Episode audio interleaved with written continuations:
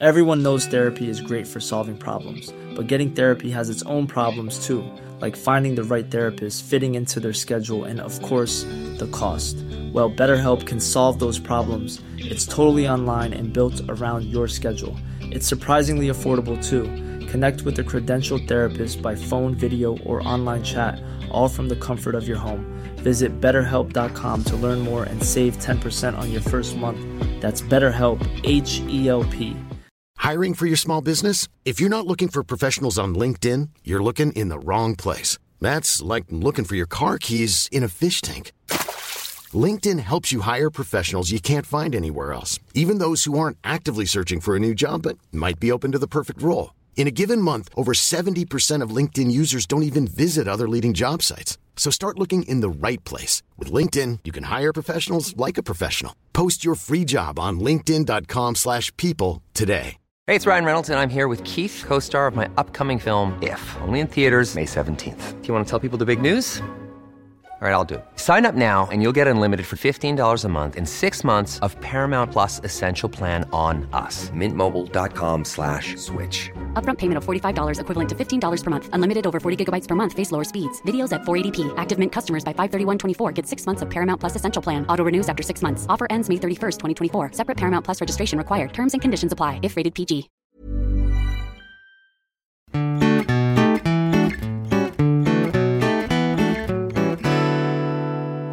Välkomna till Mord i mina tankar, en true crime podcast där psykisk ohälsa är i centrum. Hej, välkomna. Hej, tack, tack.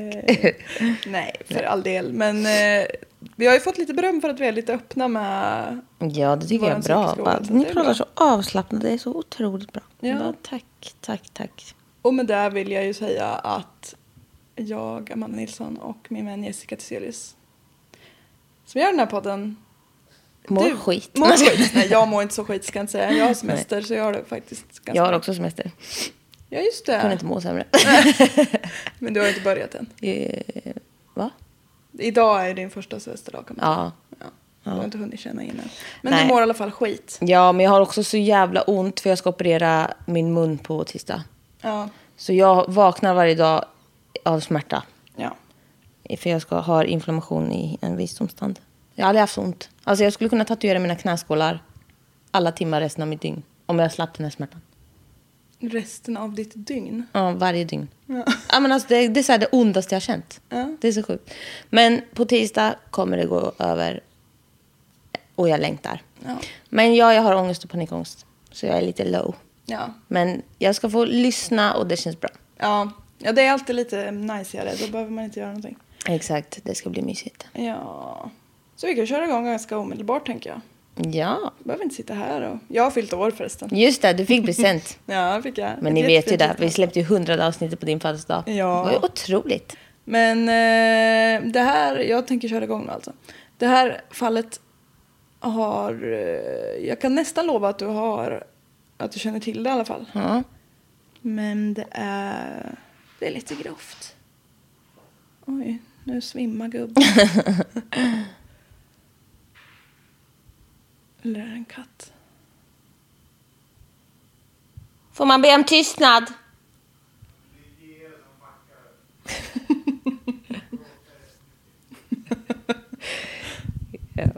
Ja, det är GL som fuckar. Det är GL som fuckar ur. Också att jag typ har huggit en global kniv i vår nya köksbänk. För att vi har ett helt nytt hus. Rivit bort målarfärgen inne i sovrummet. Och eh, vi, när vi kom hem efter midsommar och jag var helt bakis och allting. Så, och det var 40 grader här inne. För att vi bor i ett fucking växthus. Så hade det ju läckt ut något jävla rengöringsmedel. Så hela jävla skåpet och våra nya garderober var helt uppluckrat. Vi bänder bort allting, skruvar bort garderoberna eh, som är platsbyggda och ser att parketten har rest sig. Jag var så low on energy så jag bara, jag orkar inte ens få en psykos. Alltså jag orkade inte ens få ett utbrott. Jag bara tittade på det här och bara, Gick och Ja. högg en global kniv. Nej, det gjorde, jag- det gjorde jag innan vi åkte och det var inte med flit. Men det var så här, man bara, okej. Så jag typ gick och hämtade varsin liten glasstrut och så, så här, satte vi oss och typ eh, försökte, alltså, ja, vi, skulle, vi tog lite hårfön på och sen lyfte, satte tidningar under så att det skulle bli luftigt under eh, garderoberna. Och sen så satt vi där och bara åt glass och jag var typ helt tyst. Och Kalle bara, det är helt otroligt att du typ inte bryter samman. Jag bara, jag orkar inte. Jag orkar inte. Jag gör inte det här Nej, längre. jag gör, alltså I'm out. Ja. Jag har stämplat ut betalt. Ja men alltså verkligen. Och det var ju typ så här, jag bara, ja. men alltså du vet, jag orkade inte. Nej. Och det var ju på ett sätt bra. Ja. För då kunde vi bara, okej vi gör det vi gör nu så får vi se. Men det har faktiskt gått tillbaka lite. Så, men det är ju inte bra med fuktskador i parkettgolv. Nej. Det är ju rent av dåligt. Rent av dåligt. Så att det, det går bra nu. det går bra nu. Allting rullar på som det ska. verkligen. Nej du. Eh, du kan ju säga till den när du känner igen dem om du gör det. Ja, visst. Intressant. Ja, ja visst. Nej, jag ska hålla tyst. Men det blir spännande ändå. Lester Likens och Elizabeth Francis är gifta med varandra och försöker försörja en familj bestående av fem barn i 60-talets Indiana, USA. Det är inte superlätt. Nej.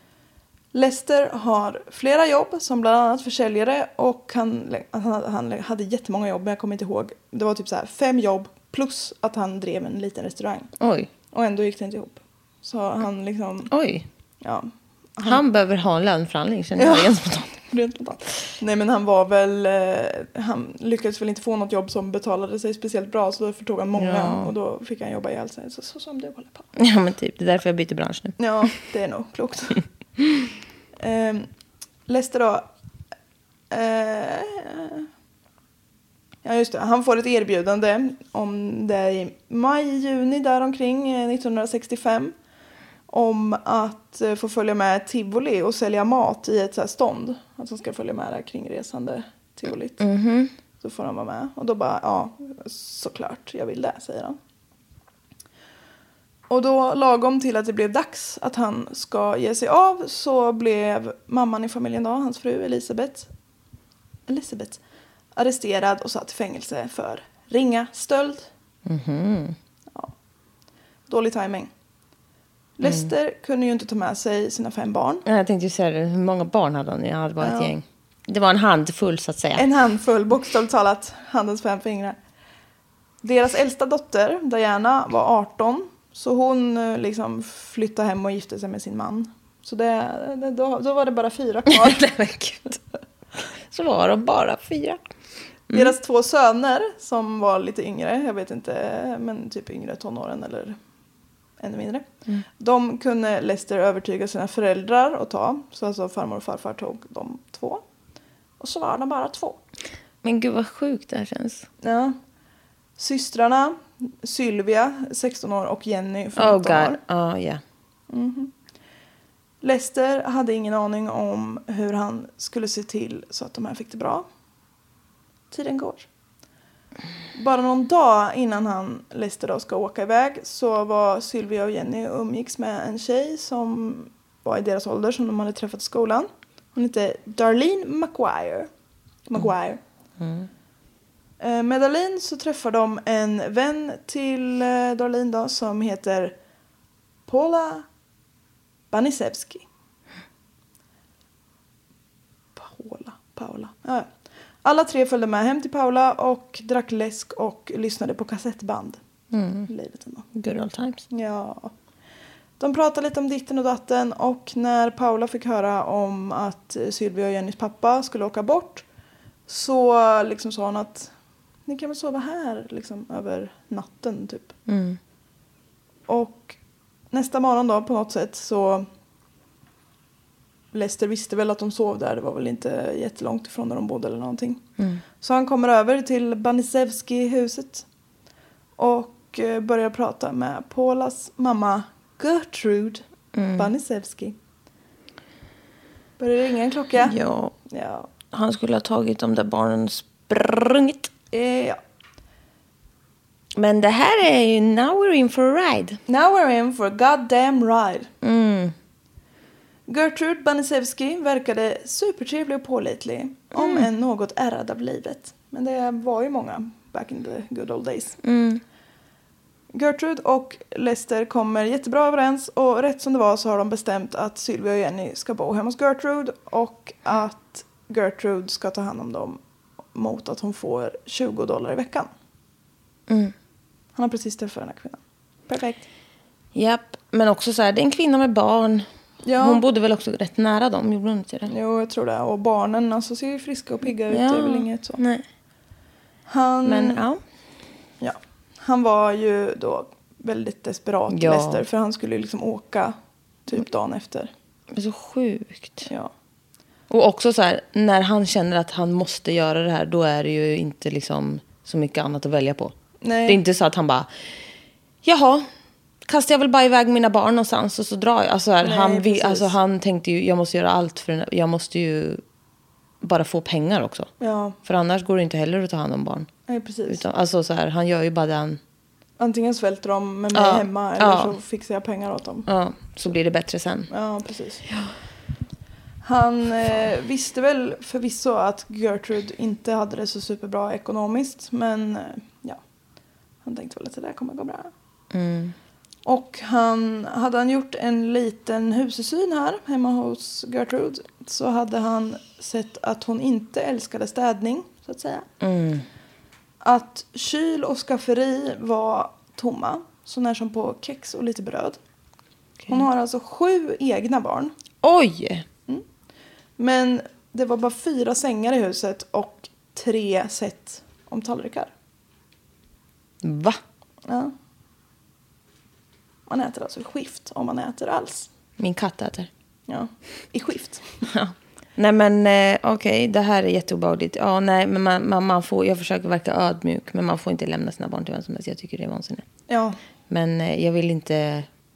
jag har också en liten känsla av att hade, eh, hade det varit en mamma som skulle lämna sina barn så kanske hon hade tagit det lite försiktigare. Mm, kanske. Men eh, jag tror som sagt inte att han trodde att det var några som helst problem här. Nej. Vem är då Gertrude Banisewski? Jag måste bara säga lite snabbt att jag lyssnar på en podd, svensk podd, jag ska nämna den sen, men som källa. Och, och, hon, och hon sa Gertrude. Gertrude. Gertrude. Hon bara DE. Nej. Gertrude. Ja, jag störde mig jättemycket på att hon bara sa Ger- Gertrude. Ja. Hon heter Gertrude. Ja, ska ni ha klart som fan för. Det ska jag jävligt klart för. Och Banisewski hette hon också. Hon föddes i alla fall 19 september 1929 och hette då Gertrude van Fossen.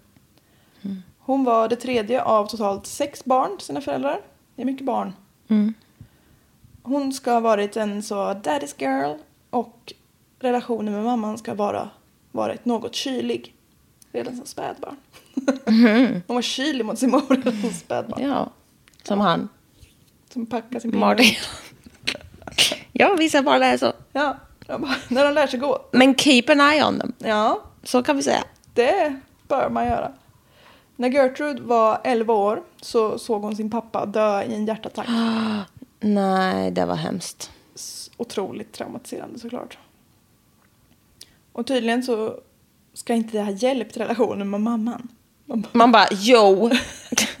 Vilken god hjälp. ja, nu Alltså. blomstrar vår relation. Ja. Nej. När Gertrude, Gertrude, när Gert fyllde Gert Fylking. När Gert Fylking fyllde 16 så tyckte hon att det var dags att hoppa av skolan och gifta sig med militären John Banisewski. John hade, det, hade, som det så fint brukar kallas, lite stormigt humör. Aha. Så han slog Gertrude, Ja, för hon var så himla irriterad. han hatade kvinnor. Ja. Men då får vi ändå tänka, vad gjorde kvinnan för att mannen skulle slå henne? Alltså... Nej men alltså jag orkar inte.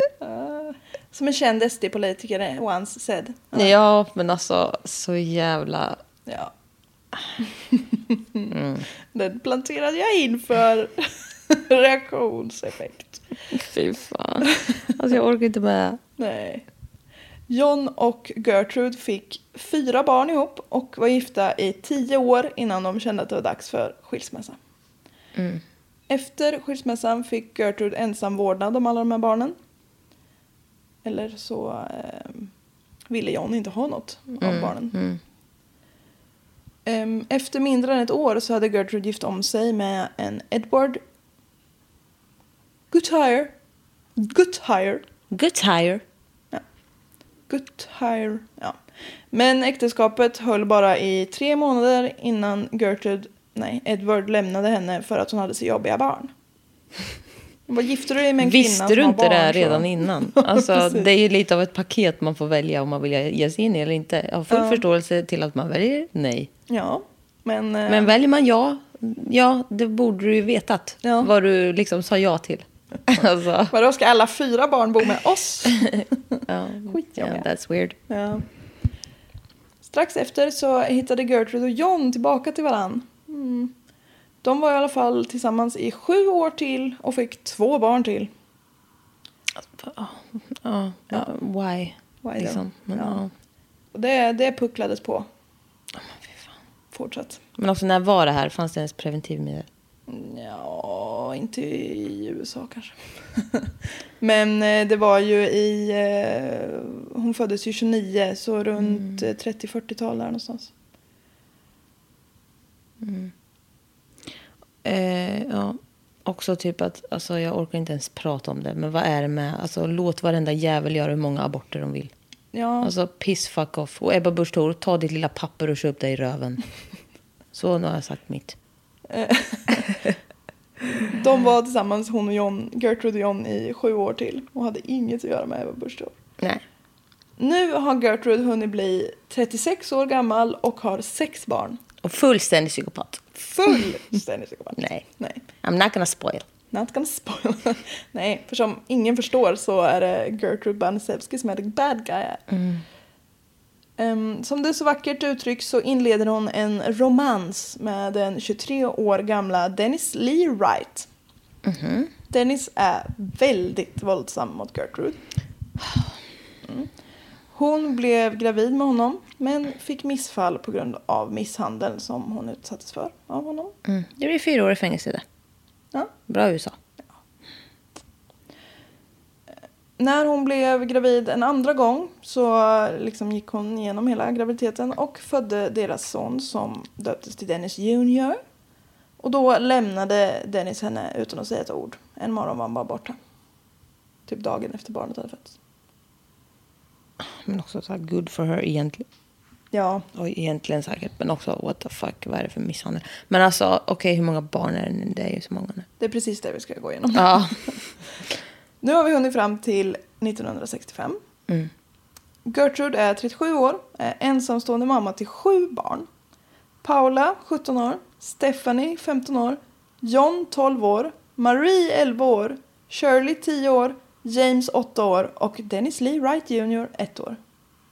Oh my god. Så det är mellan 17 och 1 år. Mm. Med spann. Mm. Livet är i allmänhet ganska jävla pissigt för Gertrude. Gertrude blir deprimerad och har svårt att få liksom, ekonomin att gå ihop. Hon slutar städa hemma, hon har problem att sköta sin hygien och ja, hon är deprimerad helt enkelt. Ja. Livet blir inte speciellt mycket bättre av att Paula kommer hem och visar sig vara gravid med en man i 40-årsåldern som är gift. Hur gammal? 17. Ja, det, här är, det, här är, det här är mörkt redan nu. Alltså fy fan. Och stackars alla barn. Ja, Det där är ett barn också. ja. Ja, Fy fan vad hemskt. Och i den här härliga miljön flyttar Sylvia och Jenny in i juli 1965. Alltså fy fan, det är så hemskt nu. Ja, ja nu. Och det blir värre. Det kommer att bli väldigt mycket värre. Det kommer till och med att bli riktigt illa. säga. Till en början så går det väl bra. Hela första veckan till och med går bra. Sen blev det måndag och det kommer ingen paycheck från Lester. Det var tomt i brevlådan. Gertrude tog in Jenny och Sylvia i ett enskilt rum och skrek I took care of you two bitches for nothing. Oh my god. Där är vi nu. Hon skickade sedan ut Jenny i rummet och slog Sylvia över rumpan med ett brett läderbälte. Nej, alltså det, nej. Dagen efter låg checken i brevlådan. Ja. Men det spelar liksom ingen roll för nu hade hade helvetet brutit lös. Kan man säga. Till en början så hade de här bestraffningarna då inom stora citationstecken anledningar. Ja, precis. Alltså, det har... Ja. Hon hittade ju på någon form av anledning. Men när Jenny och Sylvia hade varit ute i grannskapet och samlat pant för att få pengar till godis så kom de hem med godiset och Gertrude blev jättearg och anklagade dem för att ha stulit. Men... Sylvia stod upp för sig själv och systern och då anklagade Gertrude Sylvia för att ljuga. Hon har både stulit och ljugit. Absolut. Eh, hur gammal är hon nu? Eller hur gammal är Silvia? Hon är ju liten. 16. Och Jenny är 15. Jaha, okej. Mm. Hon tvingar Sylvia att... Ja, just det. Vänta. Okej, ja, hon är ju den som är äldre. Ja, Sylvia är ett år äldre. Okej. Sylvia tvingades dra ner sin kjol och trosor och Gertrude slog henne med en träspade. Alltså en sån bakkavelspade typ. En annan incident i början av den här vistelsen hos Gertrude var när alla barnen kom hem från kyrkan en söndag. De andra, andra barnen hade berättat för Gertrude hur äcklade de hade blivit av att se den stora mängd mat som Sylvia hade ätit. Det var väl Va? så här, ja, ja, jag vet inte, det låter sjukt. Men det var väl någon så här, oh, get, ta, kom hit alla barn, bygdens barn och så får ni mat och så har vi en trevlig stund i kyrkan typ. Och då hade de andra barnen berättat hur äckliga de blev för att Sylvia åt så mycket. Och då, Alltså, alltså, det säger något om hur sjuka i huvudet de här barnen har blivit på grund av hur de har fått leva sina liv. ja, Ja, ja, ja. alltså fy fan. Gertrude blir arg på Sylvia och skriker på henne att hon, du kommer att förstöra ditt vackra utseende. Nej men. Ja. Du kommer bli fet och ful och ingen man kommer vilja ha dig.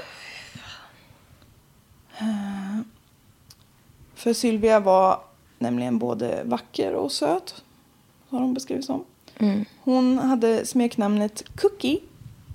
För att hon var liksom söt och gap.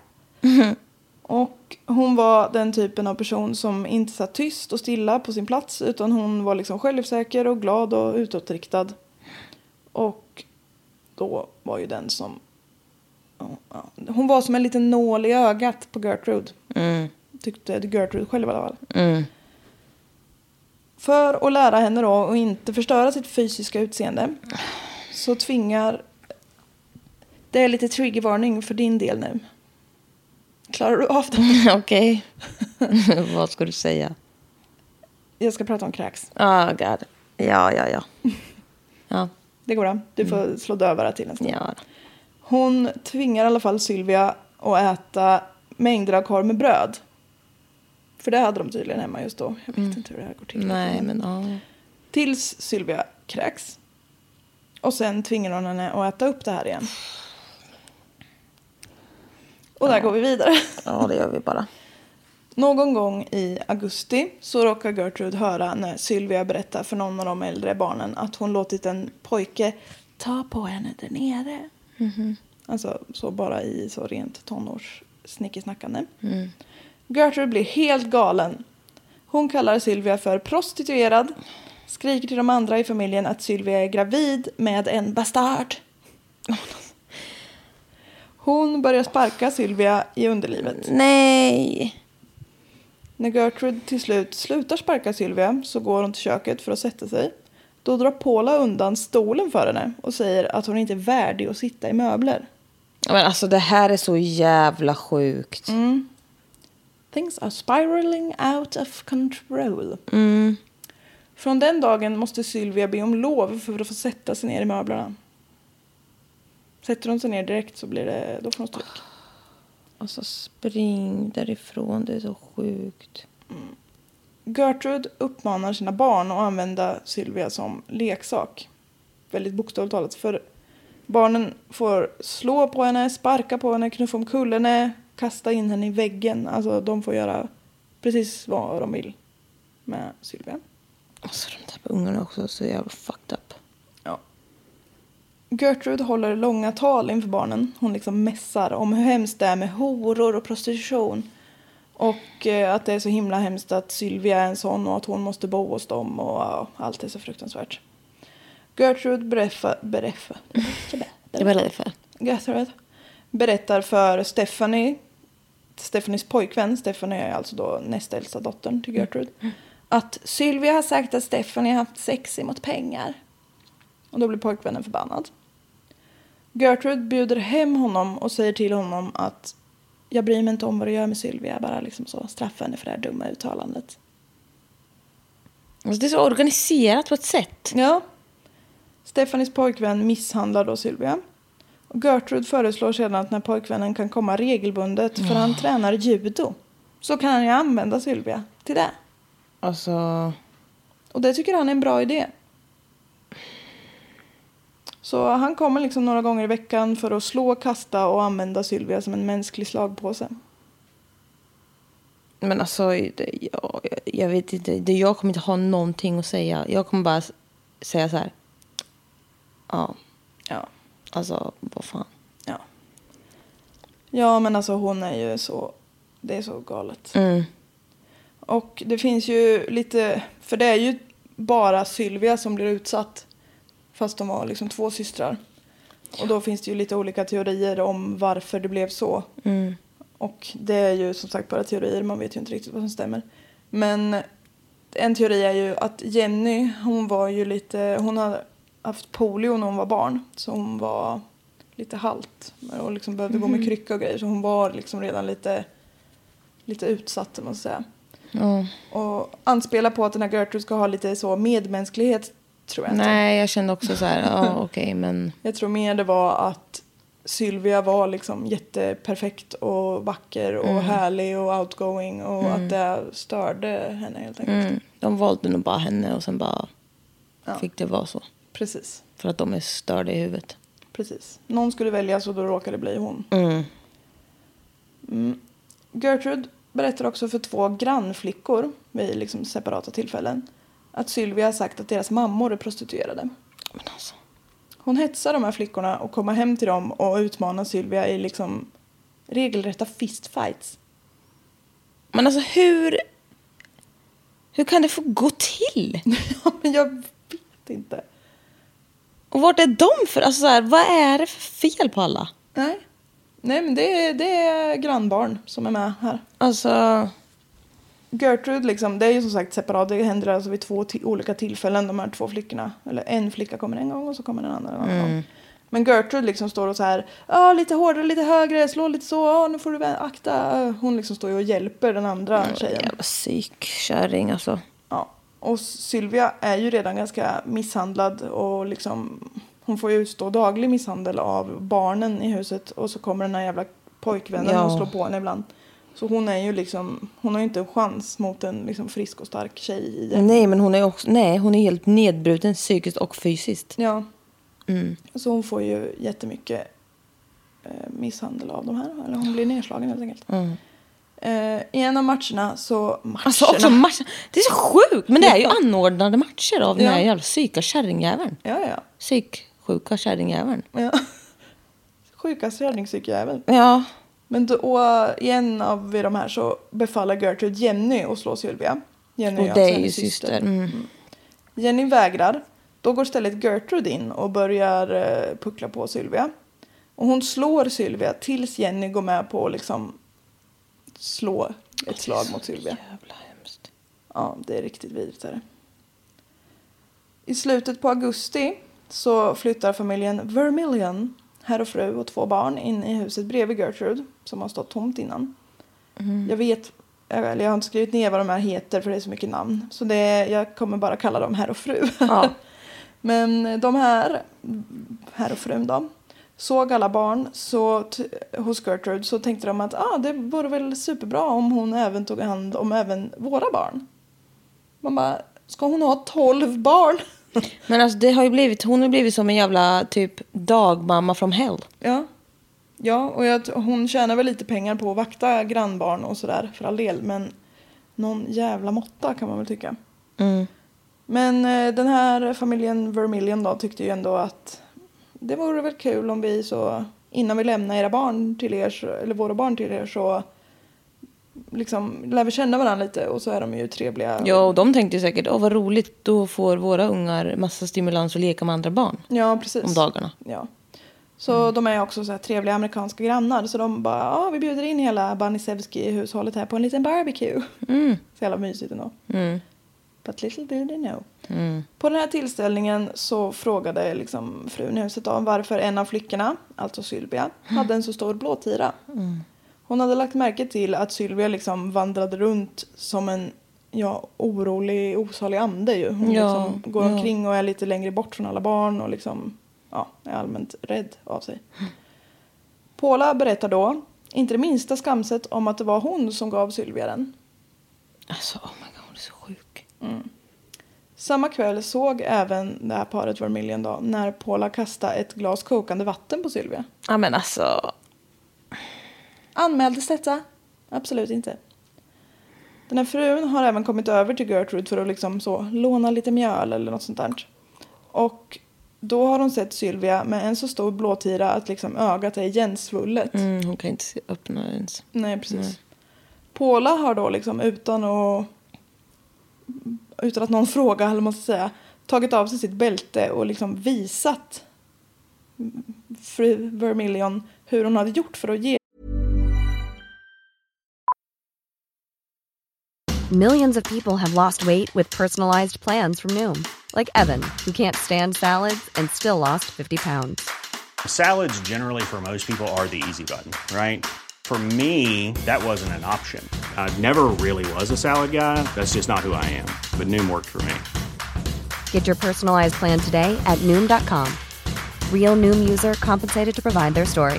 In four weeks, the typical Noom user can expect to lose one to two pounds per week. Individual results may vary. Everyone knows therapy is great for solving problems, but getting therapy has its own problems too, like finding the right therapist, fitting into their schedule, and of course, the cost. Well, BetterHelp can solve those problems. It's totally online and built around your schedule. It's surprisingly affordable too. Connect with a credentialed therapist by phone, video, or online chat, all from the comfort of your home. Visit betterhelp.com to learn more and save 10% on your first month. That's BetterHelp, H E L P. Sylvia den här blåtiren. Men så här gjorde jag, kolla. Ingen annan. Nej, men alltså det är så jävla bisarrt. Alltså. Nej. och det är ju... Alltså om det här hade varit en film hade man ju bara så här, okej men chilla Gunilla. Ja. Det är lite too far nu. Ja, precis. Man bara, det är ingen Ja, det är film, det är verklighet. Och det är tyvärr. liksom så...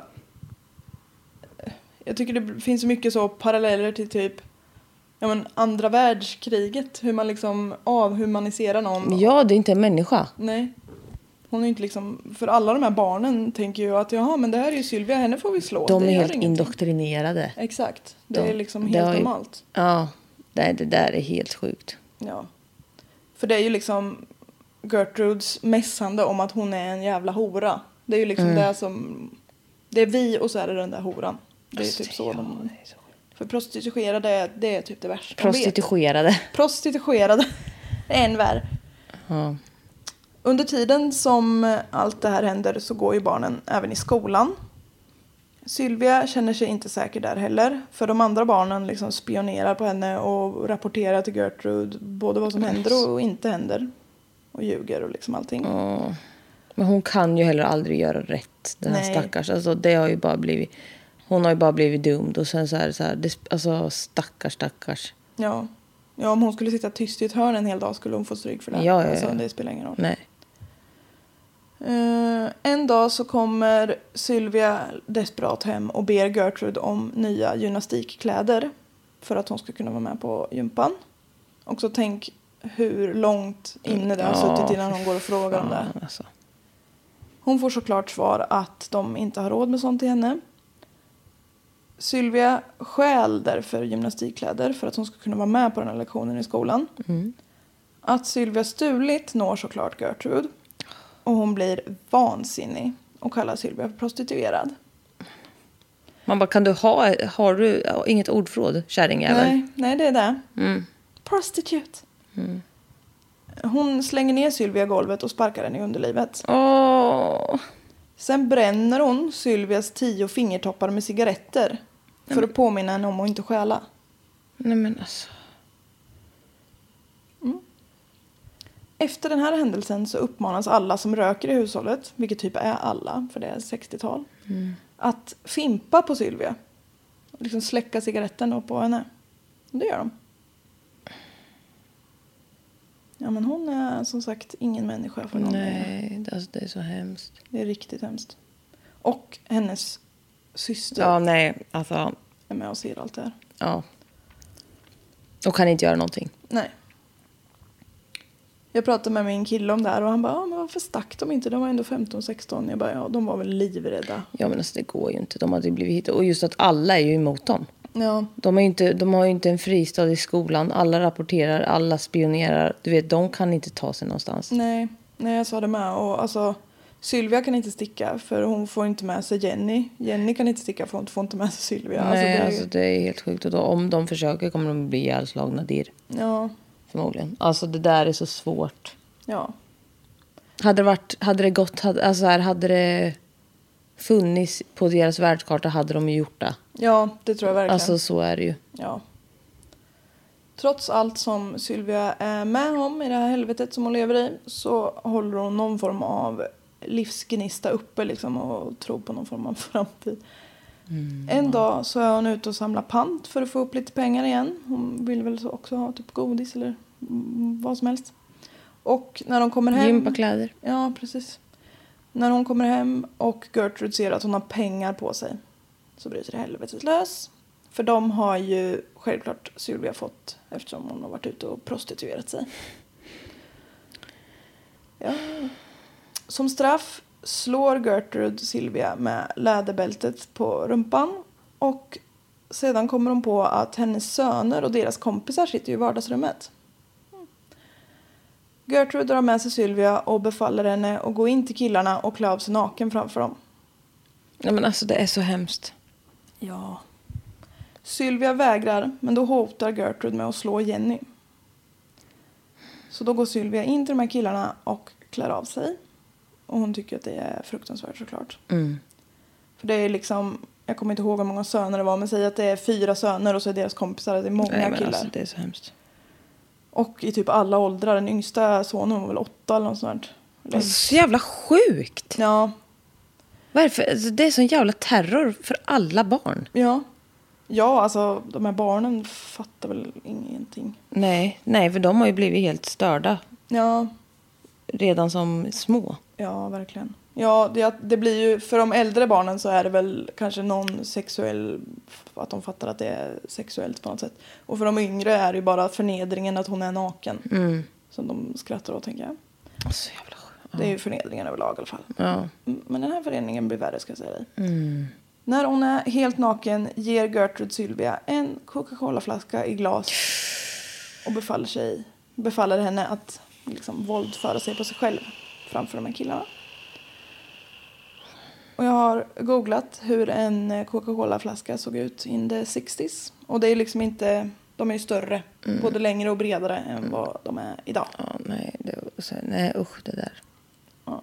Och i källorna så stod det att hon beföll henne att onanera med den. Man bara, Ja, fast det var inte det hon gjorde. inte säga. Nej, det kan vi inte säga.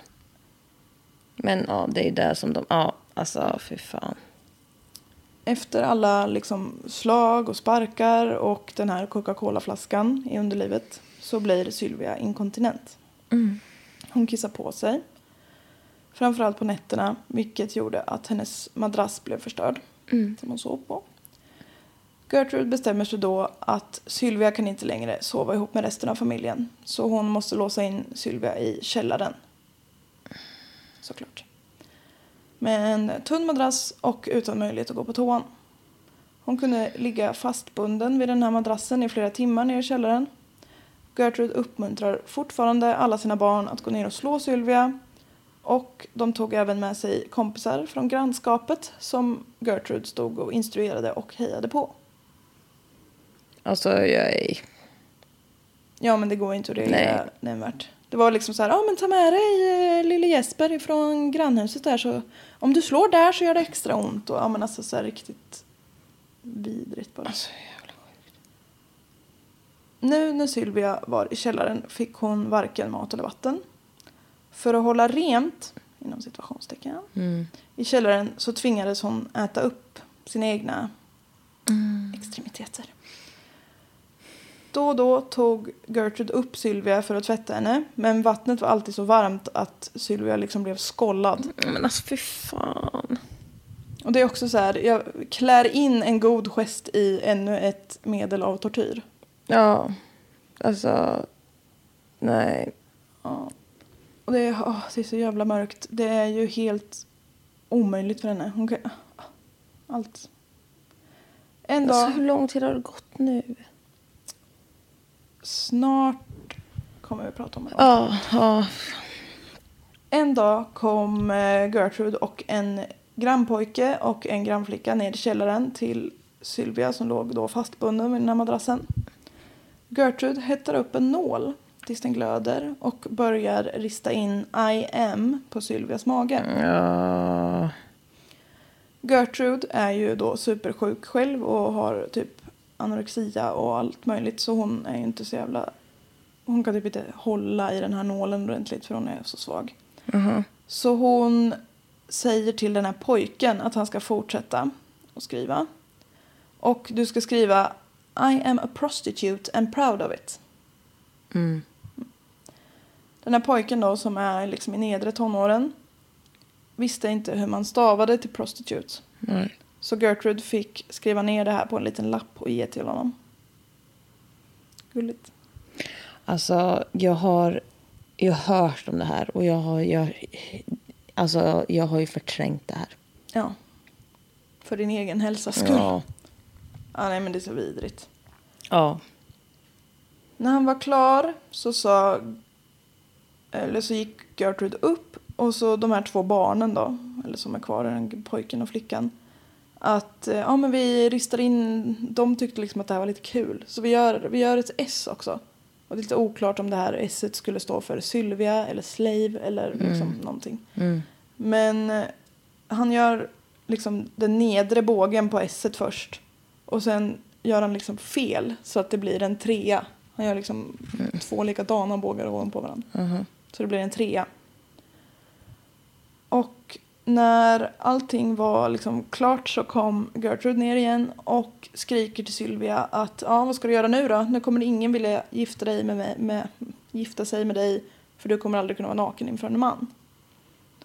Sylvia svarar liksom då lite snyftande att ja, jag kan nog inte göra så mycket, det är ju redan där. Typ.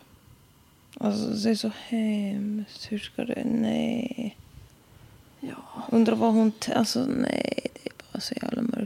Ja, ja och ja, liksom...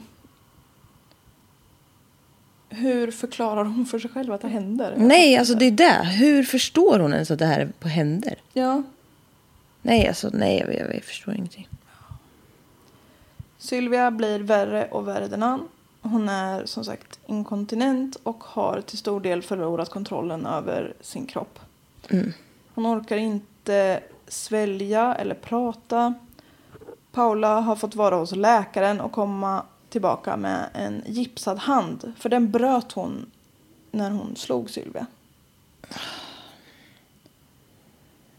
Eh, Någon vettig människa verkar ha tyckt att något inte riktigt står till i det här Banisevski-huset. Jag tror att det var liksom ett av grannbarnen som gick hem och berättade för sin mamma liksom att de har en eh, tjej nere i källaren. Ja, att inte fler har gjort det är ju helt jävla sjukt. Ja, det kan man verkligen tycka. Men eh, så SOS kommer. Och... Eh, bla, bla, bla. De kommer till huset i alla fall. De hittar ju inget barn som ser vanvårdat ut. För hon är ju nere i källaren. Gertrude säger att Nej, men Sylvia bor inte kvar här längre. Hon eh, har inte sett henne på jättelänge. Hon har liksom run away. Så, och så bara, ja okej. Ja, då så. Ja, alltså man kan väl för all del inte... Alltså, SOS kan väl inte gå ner och leta i alla källare och förvänta sig att se ett tortyrmisshandlat barn. Men Nej, men alltså ändå. Att det inte bara... Att det inte reageras från fler håll är ju det sjuka. ja, ja, jag läste också om något barn som hade gått hem, om det var det här barnet jag pratade om innan, som hade gått hem och berättat för sin mamma. Och mamman hade väl inte fattat i vilken utsträckning, men mamman hade i alla fall svarat att ja, det är så det blir när man inte beter sig. Typ. Alltså vad fan är det för fel på folk? Ja. What the fuck? Barnaga var ju för all del lagligt, men det här är inte barnaga. Det Nej. är betydligt Och värre. barnaga är illa nog. Misshandel. Ja, det är det. Men det här är tortyr.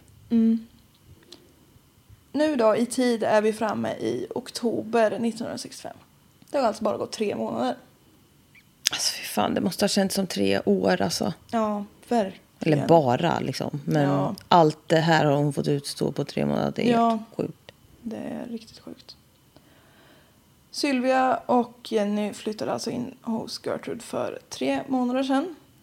Då får Sylvia komma upp ur källaren. Gertrude ger henne liksom ett vanligt bad, ett skönt bad eller vad man säga. Inget är skönt dock på henne nu. Nej, men inte skållhett i alla fall. Nej. Hon sätter henne vid matbordet och ger henne en liksom normal smörgås. Inte så med massa äckel på utan normalt. Sylvia kan ju dock inte svälja för hon har ju blivit så misshandlad så hennes hals är helt uppsvullen.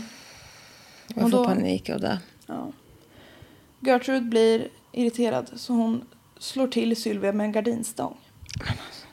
För nu har hon ju liksom varit så snäll och ger henne mat och hon är inte ens tacksam och äter upp. Sedan smeker hon Sylvia lite så fint över håret och ber henne skriva ett brev.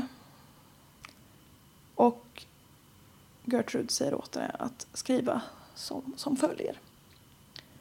To Mr and Mrs Likens. I went with a gang of boys in the middle of the night, and they said that they would pay me if I would give them something. So I got in the car, and they all got what they wanted. And when they got, got they got finished, they beat me up and left sores all over my face and all over my body. And they also put put on my stomach, um, I am a prostitute and proud of it. I have done just about everything that I could that I could do just to make Gertie, jag säger Gertrude, mad and cause Gert and cause Gertie more money than she's got. I've tore up I've tore up a new mattress and peed on it. I've also cost Gertie doctor bills that she really can't pay. And I made Gertie a nervous wreck and all her kids. Alltså... Alltså this is pure evil. Right there. Alltså fy fan. Och det är som någon i de, någon av de poddarna jag lyssnar på inför det här. De bara, du har alltså nämnt ditt eget namn fyra gånger i ett brev som du tvingar någon annan att skriva. Alltså, jä- Chill the fuck down. jävla idiot. När Sylvia... Gertie! Ja. She called me Gertie because she loved me. Mm. När Sylvia skriver klart det här brevet så hör hon hur Gertie, nej, Gertrude och Paula står och pratar om hur de ska ta med henne ut i skogen och lämna henne där för att låta henne dö. Alltså fy fan vad bisarrt. Då tar liksom Sylvia sina sista krafter, vräker sig upp ur stolen och suttar mot dörren. Hon tar sig ut ur huset men Gertrude hinner ikapp henne på tomten och sliter in henne i huset igen. De binder henne i armarna i källarräcket precis så att hennes tår nuddar vid golvet. Gertrude tvingar i henne kex och John, den här 13-åriga sonen, kommer med det minsta barnets blöja och trycker upp den i ansiktet på Sylvia.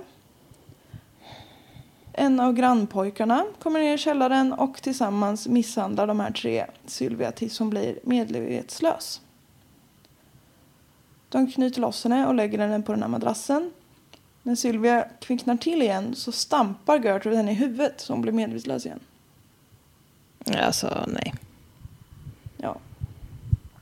Sen lämnar de henne. Nästa morgon går Gertrude och Paula ner i källaren. Sylvia ligger på sin säng och hon andas inte. Den 20 26 oktober 1965, tre månader av tortyr, så har Sylvia Likens dött. 16 år gammal.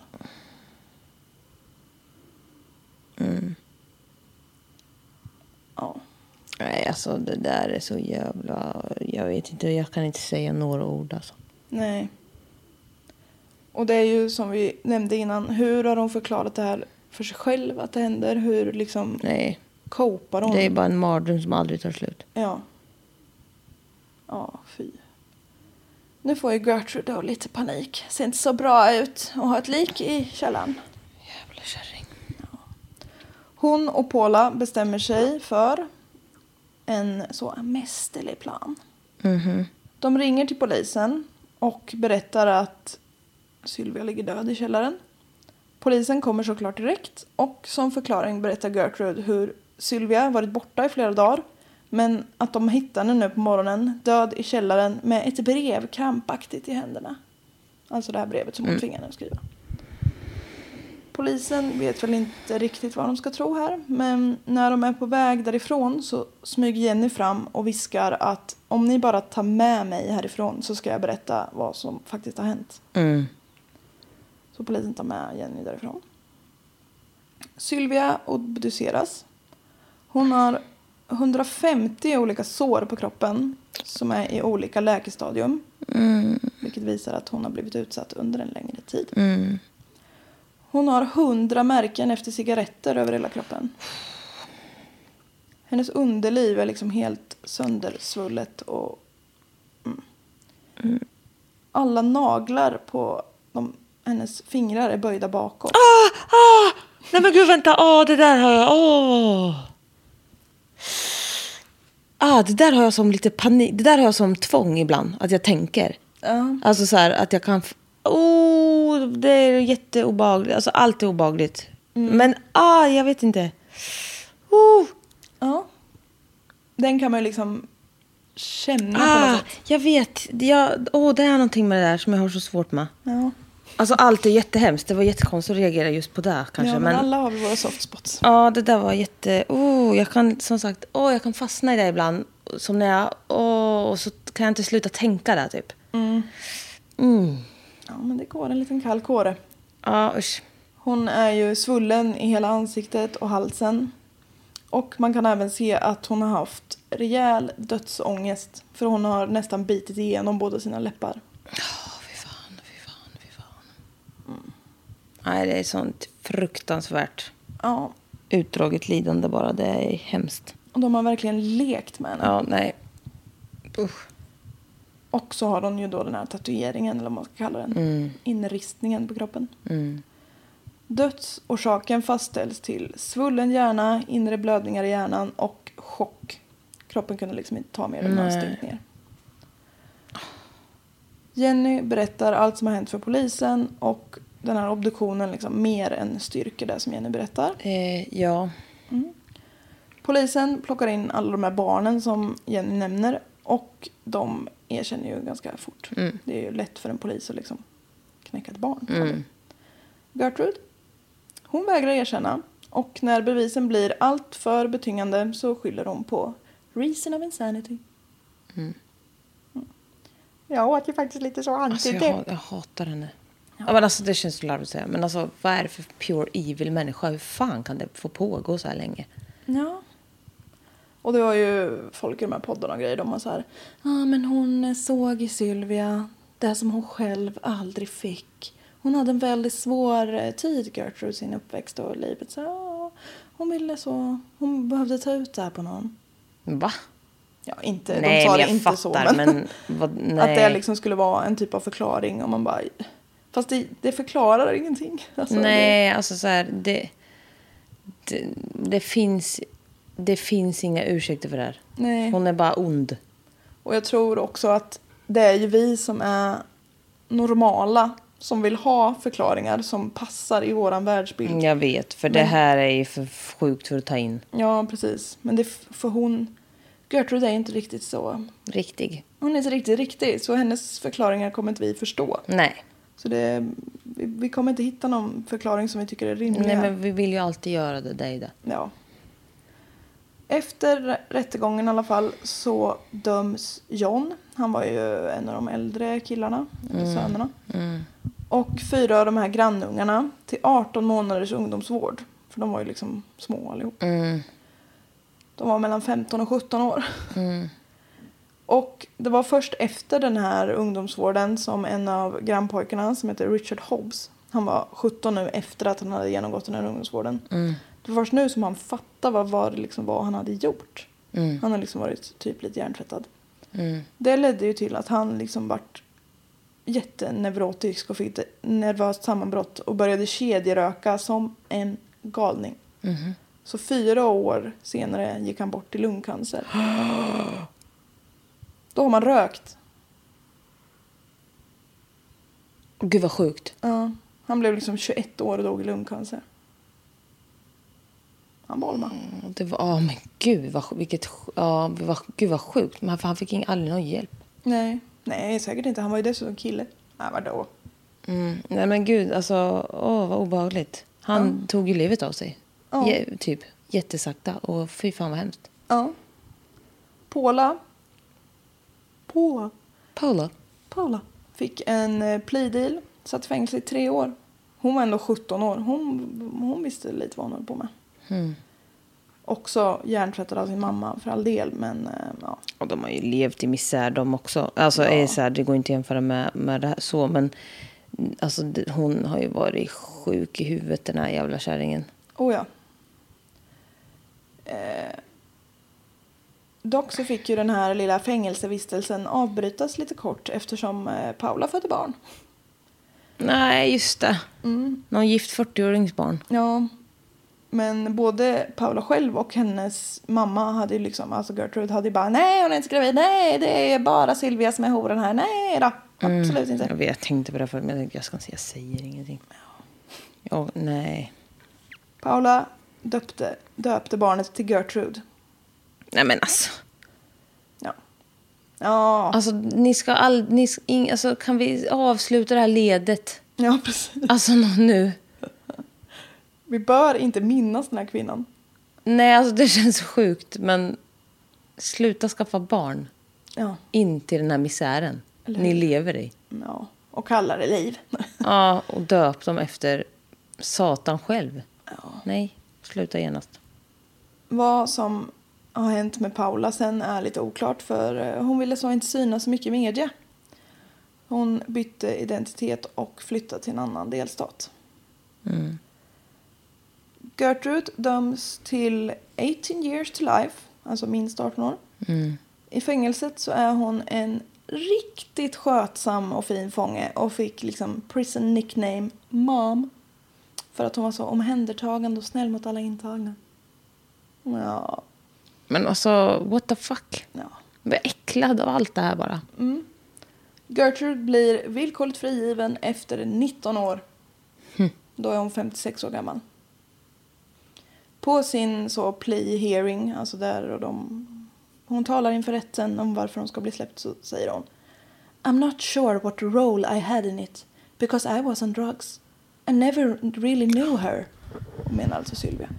I take full responsibility for whatever happened to Sylvia. Som att, men jag vet inte. Ja, det var nog jag, men jag var ju inte riktigt där.